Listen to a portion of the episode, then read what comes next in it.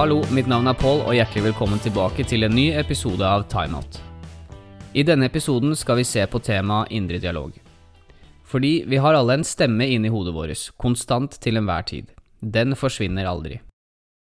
Vi skal ikke så mye prøve å definere hva indre dialog er, men heller se etter tegn og karakteristika rundt hva som kjennetegner indre dialog. Hvorfor det å være bevisst på hvordan en snakker til seg selv kan være nyttig, og til slutt hvordan du i praksis kan øve på å snakke oppløftende, styrkende, og kanskje få indre dialog til å virke som et verktøy når du tar deg selv i å være i overkant streng. Vi mennesker, vi snakker med oss selv hele tiden. Inni oss selv så sier vi sporadiske ord som wow når du blir overraska, oi sann når du mister kaffekoppen, eller yes når favorittlaget ditt tar ledelsen i kampen. Vi snakker med oss selv også i enkle setninger som hvor la jeg nøklene mine, eller gå over gata her, se etter bil fra venstre, så til høyre. Indre dialog det er så vanlig at selv underholdningsbransjen bruker det som et virkemiddel. Den indre stemmen spiller en rolle for oss seere når vi blir fortalt historier, f.eks. når vi ser på film. Et eksempel det er fra Disney-filmen Et kongerike for en lama, hvor den ene hjelperen til denne kongen, eh, som da er lama, Krunk, er omgitt av to personer av seg selv. På hver skulder står hans indre stemmer, engelen og djevelen, som argumenterer og kvarulerer for hva som er det riktige å gjøre. Mer avansert enn som så trenger ikke vi å gjøre det heller. Det enkle er ofte det beste, og slik kan vi også dele den indre dialogen inn i to stemmer. På vår høyre side så har du engelen, den gode stemmen, den er som din venn. På den venstre siden så har du djevelen, den slemme, og det er den som du tror snakker fornuftig, men som for det meste er full av dårlig sladder og negative kommentarer. Én god og én dårlig. Til å begynne med så er den indre dialogen definert som ord eller tanker retta mot deg selv, og her går ord og tanker under samme kategori som indre dialog. Det gjelder da alt du sier inni ditt eget hode, og deler av det du sier til deg selv høyt, f.eks. når du er alene. Noen skravler i ett sett og stortrives med seg selv, og andre bruker hver bidige mulighet til å unngå spørsmålet hvordan står det egentlig til der inne? Vi bruker altså den indre dialogen hele tiden, det er uunngåelig, men det vi muligens ikke er så bevisste på, det er hvordan vi velger å bruke den. Ikke så bevisste på hvordan vi velger å snakke med den gode eller dårlige stemmen. Bare se hva Kronk driver med. Han sliter og er delt mellom å lytte til engelen og djevelen sin. Begge forteller hva han helst vil høre, men det er sannelig ikke enkelt å vite hvem han skal høre på. Enda vanskeligere er det å skille ut hvem som snakker sant, og hvem som lyver. Om Krunk velger å lytte til engelen eller djevelen, skal vi se nærmere på senere, men det vi i mellomtiden kan si med sikkerhet, er at den ene stemmen er absolutt mer nyttig enn den andre, og blir naturligvis da et bedre valg. La meg prøve å forklare.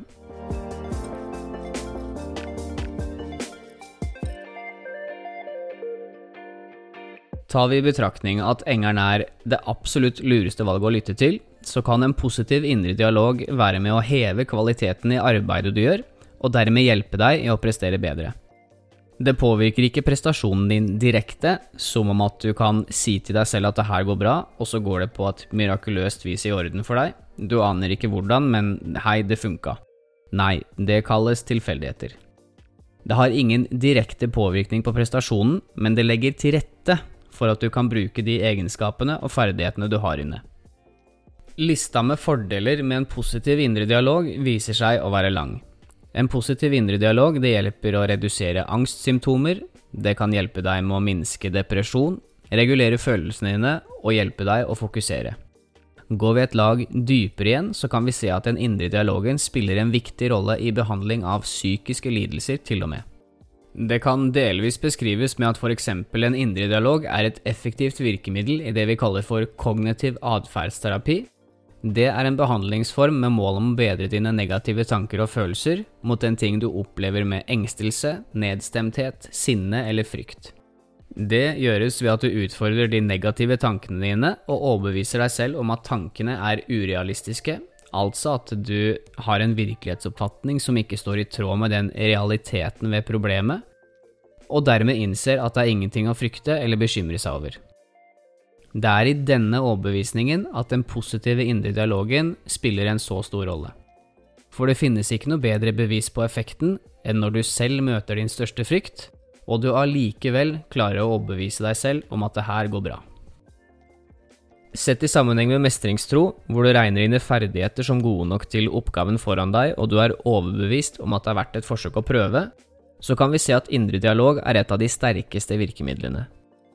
I denne sammenheng så har uttrykket ordlyden verbal overtalelse. Verbal overtalelse kan forklares med at du blir oppmuntra og preppa av eh, venner, familie, veiledere eller lagkamerater. Det har alle sin effekt, men det er ingenting som slår effekten av at du selv gir deg motiverende ord som fører til at du tar utfordringen. Så kan vi stille spørsmålet Hva er den faktiske forskjellen mellom en god og en dårlig indre dialog? Hva er det som skiller engelen og djevelen på din høyre og venstre skulder? La oss da starte med å se hva en god indre dialog innebærer. Og for å få en bedre forståelse må vi se etter kjennetegn og trekk som har vist seg å være nyttige og effektive. Ordet det må først og fremst være positivt lada. Det betyr at når du sier et positivt lada ord, så vil du reagere med en form for motivasjon. Et positivt lada ord det vil altså øke spenningen i deg. Et annet trekk det er hvor ofte altså i hvilken frekvens du sier disse positivt lada ordene. Repetisjon er på flere måter kongen, og jo flere ganger du kan gjenta for deg selv at det her er noe du kan håndtere, desto bedre er det. Videre så er vår reaksjon til ytre stimuli, f.eks. i møte med en skummel situasjon, og hvordan du reagerer etter første møte, viktig. La oss si det her er deg nå. Når du nå skal møte noe skummelt, så vil en god indre dialog ikke la være å anerkjenne situasjonen du står i. Jo, du anerkjenner det og forstår at det er ekte. Den riktige reaksjonen i møte med den situasjonen, det er at du anerkjenner at det her blir krevende og vanskelig. Allikevel så finner du en måte å overbevise deg selv på, med positivt lada ord, som du selv har funnet på, om at det her er noe du klarer. Og som vi nevnte tidligere, så har frekvens noe å si, så jo flere ganger du kan gjenta til deg selv at det her er noe du fikser, jo bedre forutsetninger skaper du for deg selv at du kan lykkes.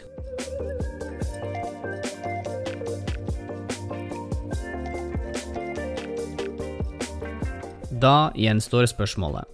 Nøyaktig hvilke ord er det vi snakker om nå? For det har ikke blitt nevnt noe om spesifikke ord som virker bedre enn andre. Og det er helt riktig. Det er ingen spesifikke ord som er viktige her, og det er ingen ord som er ansett som bedre eller mer effektive enn andre. Hadde det vært slik, så ville ordene blitt bestemt utenifra, og som vi allerede har blitt enige om, så lyder ordene sterkest hvis det kommer innenifra. Sett i sammenheng så ser vi da at det er de naturlige ordene som kommer ut av deg i den situasjonen du står i, på en måte kasta ut av underbevisstheten din, som har størst påvirkningskraft. Hvis vi snakker om personlige erfaringer, så bruker jeg korte, motiverende ord når jeg må fokusere litt ekstra. Det er ikke noe mer avansert enn 'kom igjen nå', kanskje med et banneord skikkelig hardt lada.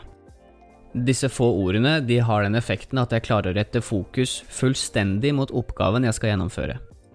Ordene, som jeg da sier inni meg selv, er sagt med en slik overtalelse, nesten som at det ikke er jeg som sier det engang. Ordene de har skikkelig trøkk og power i seg, og gjør at jeg klarer å rette alt fokus mot det jeg skal gjøre. Det her er ting jeg ikke før i etterkant har forstått at jeg gjør, og det er ganske fascinerende.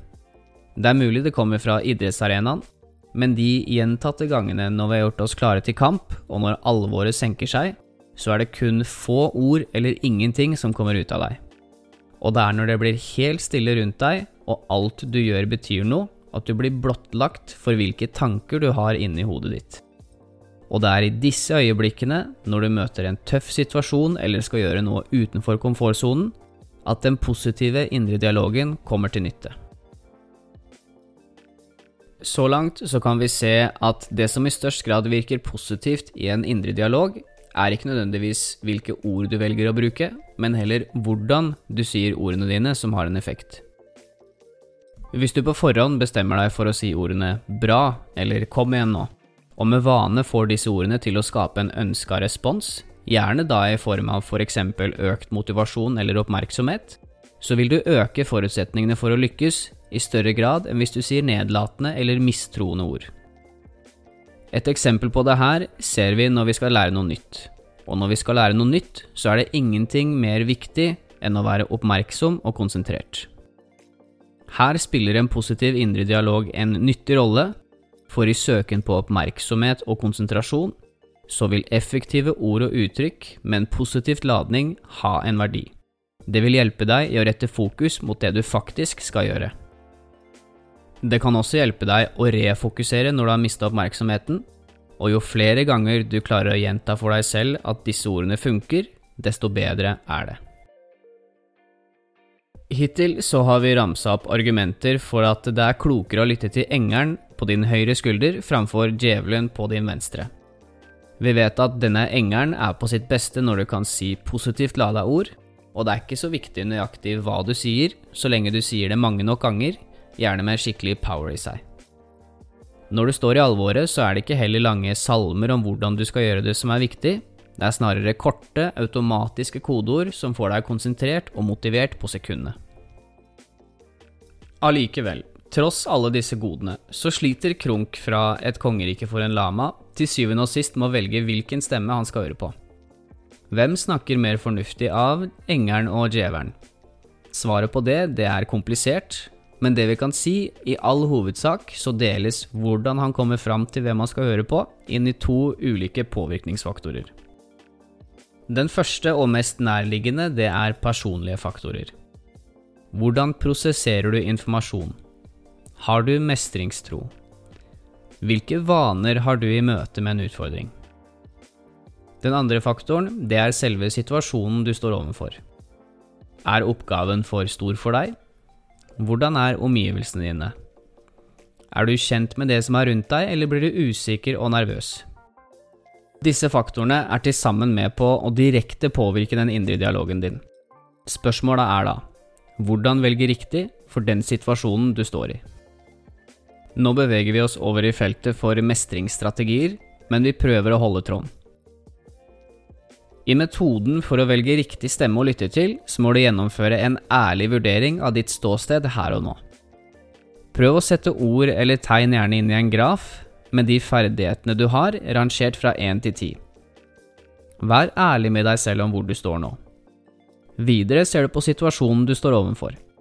Hva er det spesifikt denne oppgaven eller situasjonen jeg må løse, og hvor vanskelig skal jeg rangere disse deloppgavene, gjerne igjen fra 1 til 10. Se for deg at du legger disse grafene med dine ferdigheter og situasjonens utfordringer side om side og sammenligner. Slik kan vi se sammenhengen mellom hvorvidt ferdighetene matcher med situasjonen, og hvor du kan anse deg selv som trygg, og hva som trengs å jobbe mer med. Når du har gjort denne sammenligninga av ferdighetene dine mot situasjonen du står overfor, så sitter du igjen med et inntrykk, og det inntrykket, kort fortalt, er enten positivt eller negativt lada. Og om det inntrykket er positivt eller negativt, det avhenger fullt og helt om hvordan du tolker dine ferdigheter opp mot situasjonen. Og det er her Krunk står fast. Krunk har prosessert hvilken situasjon han står overfor, vurdert sine egne ferdigheter, og vurderer nå hva som er det riktige å gjøre. Hvilket valg vil gi best utslag? La oss si at situasjonen Krunk står overfor, vurderes som større enn de ferdighetene han innehar. Djevelen på hans venstre skulder får mer og mer overtak i samtalen, og Krunk ser ut til å miste håpet. Den sier nedlatende og negative ord som 'du er ikke god nok', 'du får det ikke til', og 'bare gi opp'. Men tross at alt ser mørkt ut, så sier den gode stemmen, med skikkelig power, fordi han har øvd flere ganger tidligere når han vet at denne situasjonen oppstår. Da sier den gode stemmen, 'Det her klarer du. Kom igjen nå. Du har gjort det her før. Det her fikser du.' Tydelige, korte og meningsfulle ord kombinert med et tryllestøv mestringstro er det som skulle til for at du klarer å overbevise deg selv om at den gode stemmen er et bedre og mer naturlig valg enn den slemme stemmen. Hvis vi nå skal prøve å oppsummere hva indre dialog er, så høres det ut som noe lignende. Indre dialog det er alle ord eller tanker retta mot deg selv. Det gjelder alt du sier, både inni deg selv og det du sier høyt. Vi har bare én stemme inni hodet vårt, og det er deg, men du kan ha flere ansikter, og for enkelhetens skyld så har vi kalt det for engelen og djevelen, en god og en dårlig stemme. Den gode stemmen som klarer å få deg til å øke motivasjonen og oppmerksomheten din, den har flere nyttegevinster i form av at du kan håndtere angst, depresjon, sinne og frykt på en bedre måte.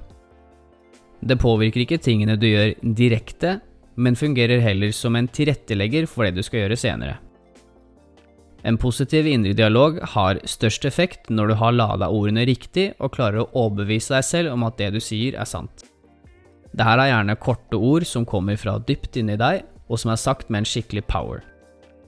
Så kommer tidspunktet hvor du skal velge mellom å høre på den gode eller den dårlige stemmen på din høyre og venstre skulder. Vi fronter begge samme sak med full oppriktighet, men den ene er naturligvis mye smartere å høre på enn den andre. Hvordan du kommer fram til denne beslutningen påvirkes av to faktorer – personlige og situasjonsavhengige faktorer. Og skulle du være i tvil om ferdighetene dine er gode nok for situasjonen du står overfor, så vurder dem opp mot hverandre.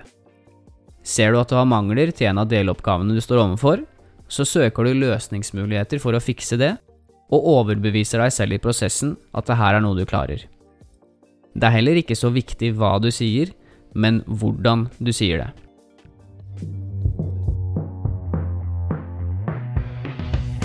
Jeg håper denne episoden om indre dialog var nyttig, og at du på sett og vis kan bruke en positiv indre dialog i hverdagen din selv. Vi har jo bare én stemme, og det å være grei med seg selv, det er alltid en forutsetning for at vi skal ha det bra. Vi kan ikke nødvendigvis påvirke alle situasjoner, men vi kan ta kontroll over hvordan vi snakker med oss selv. Og hvis du da har muligheten til å påvirke livet ditt for det bedre, Hvorfor ikke da velge å ta kontroll over f.eks. denne ene teknikken? Indre dialog er en av flere mentale ressurser vi skal fortsette å utforske her på Timeout. Vi høres i neste episode. Vær grei og ikke gjør for mange dumme ting. Ha det bra.